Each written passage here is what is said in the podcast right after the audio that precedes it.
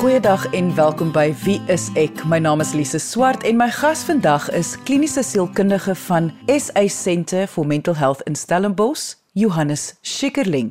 En ons gaan vandag gesels oor boeliegedrag onder adolessente, maar 'n baie spesifieke soort boeliegedrag wat hulle noem emosionele boeliegedrag.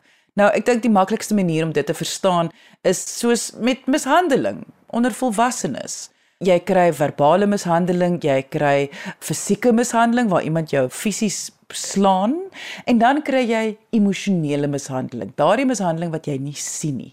En dieselfde gebeur onder boeliegedrag by adolessente. Natuurlik, adolessente is 'n ouderdomsgroep wat met baie kompleksiteite gepaard gaan. So dit is waar ons vandag gaan gesels. Indien jy 'n ouer is en jy graag vrae het oor hierdie onderwerp, kan jy ons kontak deur ons webwerf gaan na www.wieisek.co.za. Maar kom ons luister nou eers na my gesprek met Johannes Schikkerling oor emosionele boeliegedrag. Johannes, wanneer ons nou praat van boeliegedrag op 'n emosionele vlak, kan ons miskien net identifiseer wat presies praat ons dan van? Lise, mens kyk eintlik na die interaksie wat mense tussen mekaar het. So jy kan dit nie noodwendig altyd sien nie, maar dit gaan regtig oor die verhoudings wat mense met mekaar het en binne in daai verhouding, is dit 'n gesonde of 'n ongesonde verhouding.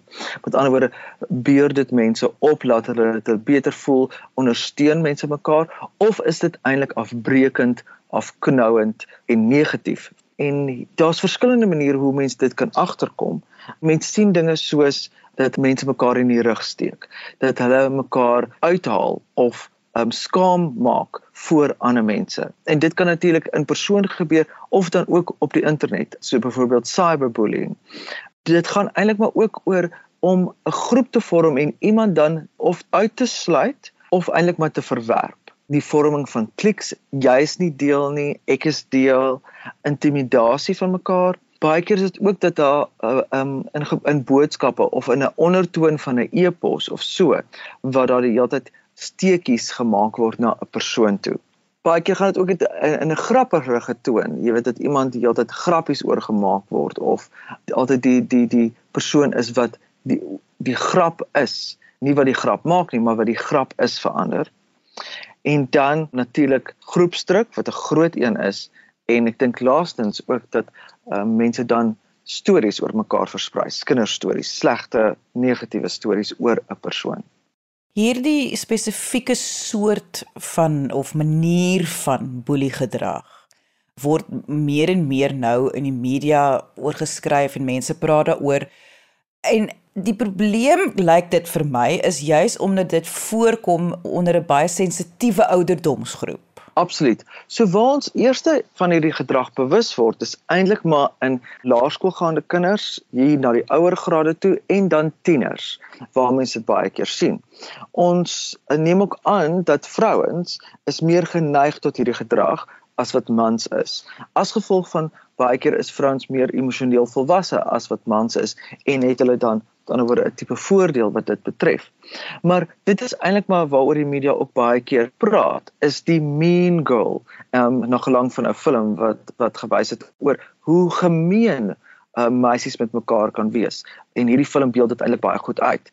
So ons sien dit baie keer by hier by laat laerskool um, en hoërskooljare en dan selfs soms ook in ouer jare, jy weet, mense wat in besighede is en so.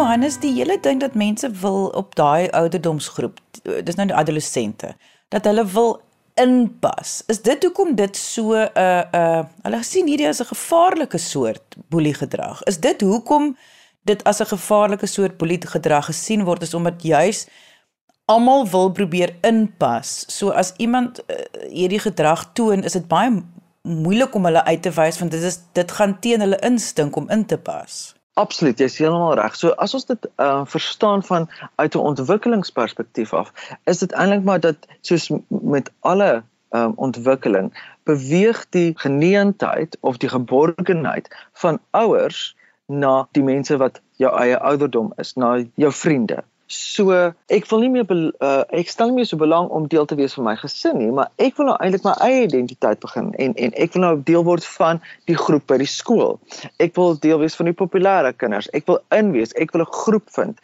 Ek wil 'n gevoel van behoort hê. En om hierdie gevoel van behoort te hê, moet ek weet wie is deel van my groep en wie is nie deel van my groep nie.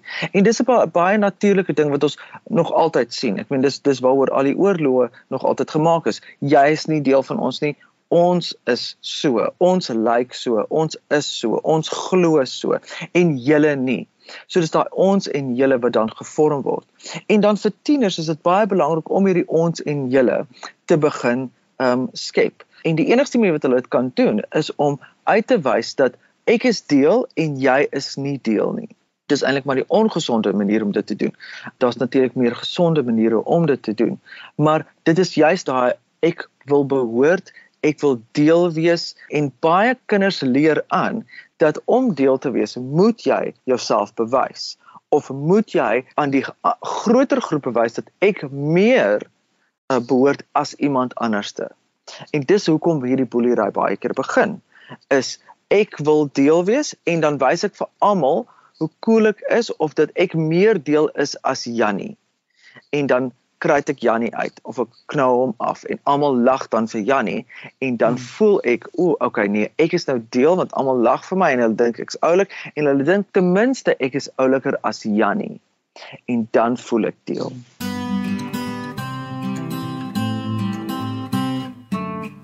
Hoekom is daar bullies? Want ek kan verstaan dat almal wil inpas en okay, ek hou van die groep, ek hou nie van die groep nie, maar hoekom moet een groep dan 'n ander groep afbreek of een persoon 'n ander groep afbreek? Dit gaan maar eintlik oor 'n paar redes, waarvan die grootste is kompetisie dat ons almal voel 'n mate van kompetisie aan van wie behoort en wie behoort nie. Dis daai klik, jy weet wie is die populêre kinders, wie is die sportiewe kinders en dan hierdie gevoel van behoort en en nie almal kan altyd behoort so daar's 'n mate van kompetisie tussen mekaar. Dit kan ook wees dat dit aangeleerde gedrag is. Met ander woorde, kinders sien dit by ouers. Hulle sien dit by onderwysers. Hulle sien die kliks op TV en dan ehm um, herhaal hulle hierdie tipe gedrag want hulle dink dit is gepas of dis hoe dit moet wees. Baie keer gaan dit ook oor 'n lae selfwaarde waar iemand voel ek is nie die moeite werd nie, hulle voel self sleg en dan voel hulle eintlik beter as hulle dan iemand so sleg soos hulle laat lyk like, of hulle kan namaak asof hulle eintlik nie so sleg is soos wat hulle self dink nie. So hulle doen hulle self voor as iets en, en dan breek hulle iemand anders te af om hulle slegter te laat voel en ek voel dan beter en dan dus kan ek myself bewys dat ek nie eintlik so sleg is soos wat ek self dink nie. Die ander baie belangrike rede hiervoor is natuurlik groepsdruk. Ons weet dat groepsdruk 'n geweldige groot rol speel in wie behoort en wie behoort nie. Doen ek die regte ding? Wie behoort? Is dit net die kinders wat wyp wat behoort? Jy weet daai groepsdruk van o, maar jy wyp nog nie. Het jy nog nooit gedrink nie? Het jy nog nooit daai tipe o, maar jy sê daai tipe uitsluitsel. Ons het dit al gedoen, jy het nog nie. En as jy deel van ons wil wees, dan moet jy dit ook doen. En laaste en eintlik maar eh, die minste is gewoonlik maar verveeldheid. Wanneer kinders verveeld is en hulle weet nie eintlik wat om hulle self te doen nie en dan begin hulle kinderstories oor mekaar maak. Hulle veroorsaak drama. Um, en ons weet vir al tieners is baie lief vir hierdie dramatiese en maak alles die jy weet die einde van die wêreld voel dit mos vir hulle en maar hulle hou van daai drama. Ons weet ook die die grootste getal kykers van sepies is eintlik tieners want hulle hou van hierdie drama en hierdie kompetisie en wie hoort en wie hoort nie in die hele kinderstories want vir die eerste keer in hulle lewe raak hulle eintlik bewus daarvan en dit draak vir hulle belangrik. So baie keer doen hulle dan ook uit verveeldheid. Jy luister na Wie is ek op RSG. Ek wil net terugkom na die punt dat jy gesê het hierdie is baie deel van die ontwikkelingsfase. Dit is hoe hulle hulle voete vind en hulle plek vind in hulle wêreld en die wêreld dan in hulle toekoms. Maar tog instinktief voel die meeste mense dat veral daai aangeleerde gedrag wat jy genoem het, dat kinders wat boelie gedrag uitvoer teenoor ander, kinders wat boelies is, is omdat hulle word geboelie op 'n ander plek dat hulle wil daai daai emosionele las wat hulle dra wil hulle weghê van hulle in die enigste manier wat hulle ken is om na te aap wat met hulle gebeur. Presies. So ons kyk baie keer na die kind wat geboelie is en ons kyk nie na die boelie nie. En en ons maak 'n aanname en ek dink dit is 'n gesonde aanname om te maak en iets om te kyk is wat speel by die boelie? Wat gaan daar aan? En ek jou amper waarog baie baie keer dan op die grootste meerderheid van kere sien ons dat die boelie self emosioneel sukkel, dat hulle self nie kan cope met hulle omstandighede nie. Het sy dit by die huis, het sy dit by skool. Ons weet selfs dat die die bullies is, is soms ook die sterker kinders, maar nie noodwendig die slimmer kinders nie. So hulle voel dalk minderwaardig oor hulle uh, nie so akademies sterk is nie of ehm um, weet self nie hoe met 'n emosionele kwessie om te gaan nie. En en en vind dan hierdie manier, hoe kan ek beter voel? En en en die vinnigste maklikste manier is om daai kind te slat of daai uit te jou of en dat almal vir daai kind lag dan voel hmm. ek beter, dan voel ek nie ten minste so sleg nie. Veral rakende die ontwikkeling, gaan dit dan dat kinders vir die eerste keer sensitief raak vir die oordrag van emosie. Met ander woorde, as ek jou laat sleg voel, voel ek beter. En dan ervaar hulle eintlik daai oordrag van positief of negatief na positief.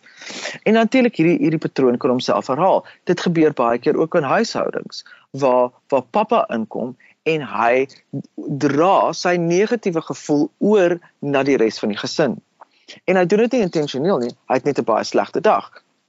Maar dan kom skel hy en hy's moeilik. Uh, of of ons almal ken daai ding van o, oh, jene, as daai deur nou oop gaan, selfs die manier wat daai deur oop gaan, weet almal onmiddellik in wat se by is pappa. Jy weet as dit oop swaai en daar's aggressie, dan weet almal o, o, kruip weg. En so mense raak ontsettend sensitief vir hierdie oordrag van emosie. Johannes, ek is nie 'n ouer nie en, wat my altyd pla wanneer dit kom by boelie gedrag onder adolessente is skuldgevoelens en empatie. Wanneer tree dit in iemand se lewe in? En wanneer moet hulle dit leer? Moet weet adolessente nie al van sit jouself in iemand anders se skoene. Hoe sal jy voel as iemand so met jou is nie? En skuldgevoelens dat ek was nou lelik, ek het iemand nou verneder voor 'n groep. Of is dit maar eintlik so of die definisie van adolessensie. Kyk, goeie soos empatie en skuldgevoel begin ek eintlik al op 'n baie jong ouderdom. Ons sien dit al hier by 3, 4 na die terrible twos wat wat dit net oor ek ek ek gaan. Ehm um, sien mens eintlik dan begin empatie al, dan begin skuldgevoel al. Jy weet dat kinders vreeslik veral rakende hulle ouers. En eh, veral in graad 1 kan jy mos nou sien, men baie ouers kom en, en en sê dan dit wat juffrou sê is dan hier nou die heel belangrikste en al wat die kindertjies oor worry is dat juffrou happy is. En, en dan kom jy al 'n tipe uh, van empatie sien. Jy weet so jy kan al sien wanneer is juffrou ontstel, wanneer uh, maak jy haar trots en dieselfde met ouers. So teen adolessensie is daar is daai ding alreeds ontwikkel. Maar ongelukkig help dit eintlik die as dit 'n negatiewe siklus is, help die skuldgevoel dit eintlik aan. So wat wat gebeur is ek voel nie goed nie, dan boelie ek 'n kind, dan voel ek beter, maar ek voel eintlik dan skuldig en dan hierdie skuldgevoel veroorsaak dit ek dan weer boelie. Verstaan jy? So dit dit help eintlik die proses aan want diep binne my voel ek nou jy weet terrible oor dit wat ek met die kind gedoen het en wat is die manier wat ek met terrible gevoelens omgaan? O, ek boelie iemand. So die kind weet eintlik nie wat is die ander dinge om te doen met hierdie negatiewe slegte gevoel. En dit is juis waar ons as ouers kan inkom, is om vir ons kinders te leer, hoe gaan ek om met daai negatiewe gevoel? Hoe gaan ek selfs om met daai skuldgevoel? En om ander mense sleg te laat voel is eintlik 'n manier om nog meer terrible gevoelens te hê. Dit help jou nie om ontslae te raak van hierdie negatiewe gevoelens nie. Dit is deel van die lering wat ons vir ons tieners moet gee of selfs nog jonger vir ons kinders moet gee is hoe gaan ek om met my slegte gevoel op 'n positiewe manier. Ehm um, en ons sien ook kinders wat dit goed kan doen en dan ander kinders kan intrek en deel kan maak van 'n groep en laat uh, almal 'n gevoel van behoort gee. Dit is vir my vir my waar waar sport baie keer so belangrik kan wees met op die sportveld sien ons altyd fantastiese voorbeelde van kinders wat ander kinders die leiers, jy weet die die rugby kaptein, die cricket kaptein, die netbal uh uh, uh dogter wat wat 'n groot impak het op hoe die span so kohesie is. En as die kaptein iemand is wat negatief uh, uh, regeer wil ek amper sê wat 'n negatiewe impak het, dan kan mens sien dan val die span vinnig uit mekaar uit. Maar iemand wat 'n positiewe effek het wat almal be laat behoort voel, almal laat voel hulle is deel van die span. Ontsettende spanwerk, goeie span kohesie, jy weet 'n gesamentlike doel en, en dit is pragtig om te sien as dit werk maar dit gaan regtig oor oor oor die leierskap en wat geleer word en natuurlik kom dit baie ook van die afrigters af. Soek jy 'n professionele persoon in jou area, gaan kyk op die WSE kontaklys by www.wse.co.za. Wat vir my baie interessant was van hierdie spesifieke manier van boelie, hierdie emosionele boelie, is hoe so baie artikels vir mens sê dat ouers mis dit. Dis asof hulle dit net net nie ernstig opvat nie wanneer hulle kinders hulle daar daaroor uh, vertel. So wat sou jou advies wees dat dat ouers wel dit optel dat hulle wel besef hierdie is waarvan ons nou praat. Ek dink dat ouers se fokus skuif vanaf die konkrete na die persoonlike. So wat bedoel ek daarmee? Met ander woorde, ons skuif van wat is jou punte? Hoe het dit gegaan by die rugby game ensovoorts. Maar dat as hulle dan met uh, adolessente begin praat eintlik oor verhoudings. En hoe gaan dit met jou verhoudings? Het jy maats? Kan jy cope met dit wat jou maats vir jou sê? En hoe gaan dit met die verhoudings met die onderwysers? En eintlik dat ouers kinders help hoe om hierdie verhoudings te bestuur en nie net na die konkrete feite kyk nie. So het iemand jou geslaan? Nee, maar sy's lelik met my. OK. Maar kom ons ondersoek dit dan. Um, en baie keer is dit moeilik vir ouers want dit is nie konkreet nie want dit is soveel makliker as dit konkreet is nie. Okay, die kind het jou nie geslaan nie, so kom ons los dit. So ons het nie 'n saak om te maak nie. Plaas daarvan om regtig net te sit en tyd te spandeer om te kyk wat is die tipe verhoudings wat jou kind het en hoe kan jy hulle ondersteun om dit op 'n gesonde manier te kan bestuur.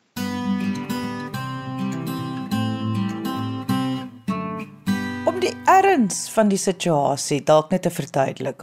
Wat is die effek op 'n adolessent wat wel op 'n emosionele manier geboelie word? Dis 'n baie goeie vraag en ons sien baie keer hierso dat dit gepaard gaan met uh, en dis gewoonlik een van die eerste simptome is akademiese prestasie wat daal.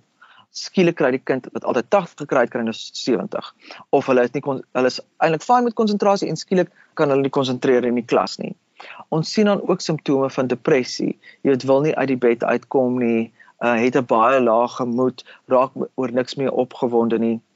Dit hulle dan ook sukkel om verhoudings en vriendskappe te vorm en aan die gang te hou.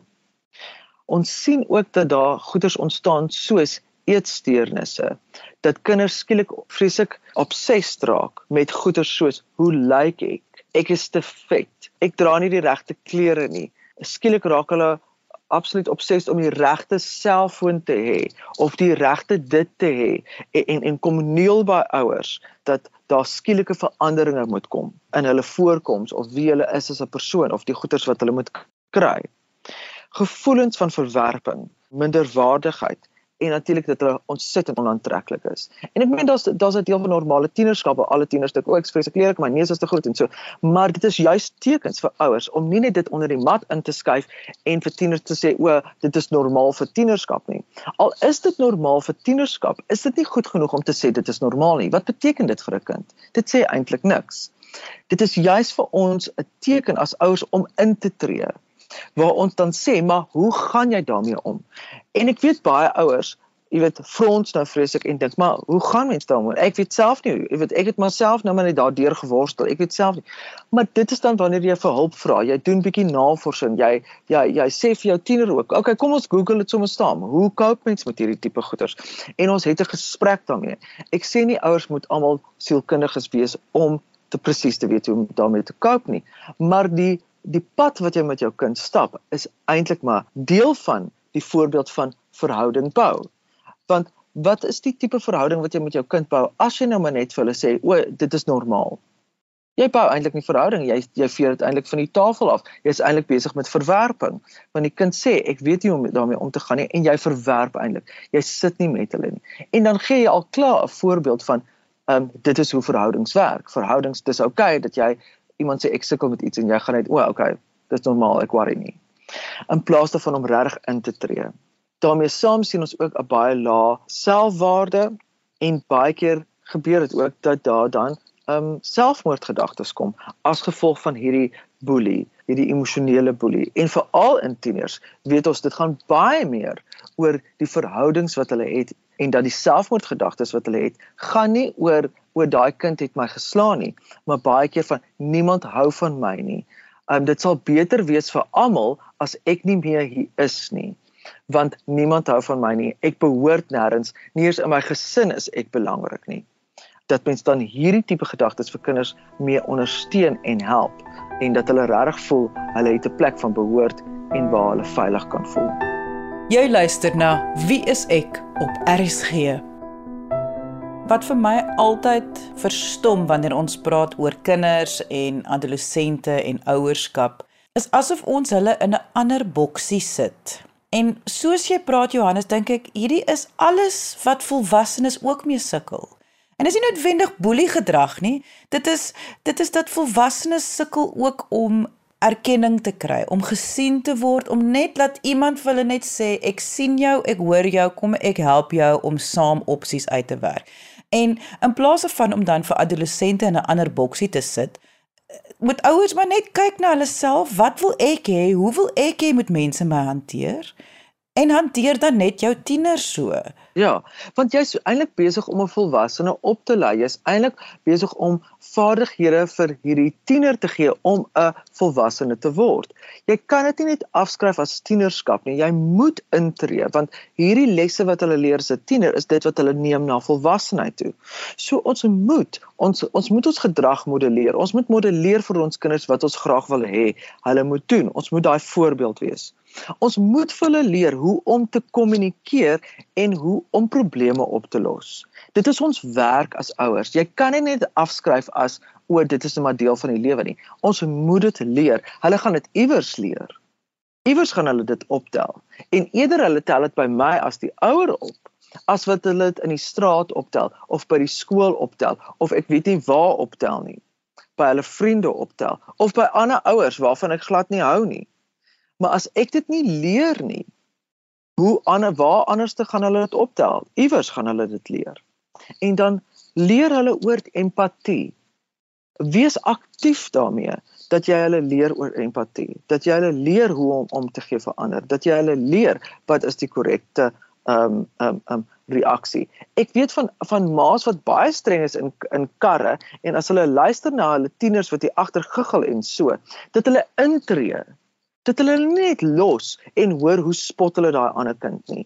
Maar eintlik intree en sê luister wat wat waarmee is julle besig? Ek is baie ongemaklik met die trant van die gesprek hierso. Kan ons goue gesprek hê en dit nie net afkap nie en sê dit is nie dit is nie hoe dit hoort nie maar eintlik 'n gesprek met al die tieners in jou kar dan begin. So hoe wil julle dit hanteer? En ek weet vir ouers is dit bietjie van 'n omswaai dis 'n kopskuif wat jy moet maak om om by hierdie punt uit te kom. Ek dink dit is 'n baie belangrike kopskuif en dis juis wat kommunikasie oophou.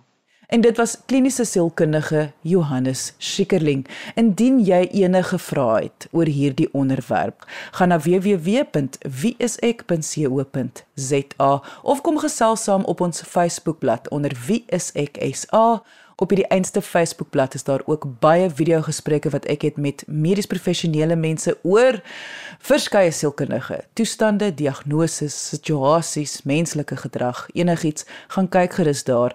Miskien is daar al klaar 'n antwoord vir jou vraag. Dit is alles op Wie is ek se Facebookblad onder Wie is ek SA. Dankie dat jy vandag ingeskakel het. Ons maak weer so volgende Vrydag, 12:30 net hier op RSG. Jy moet 'n heerlike naweek hê en onthou kyk mooi na jouself en jou kind.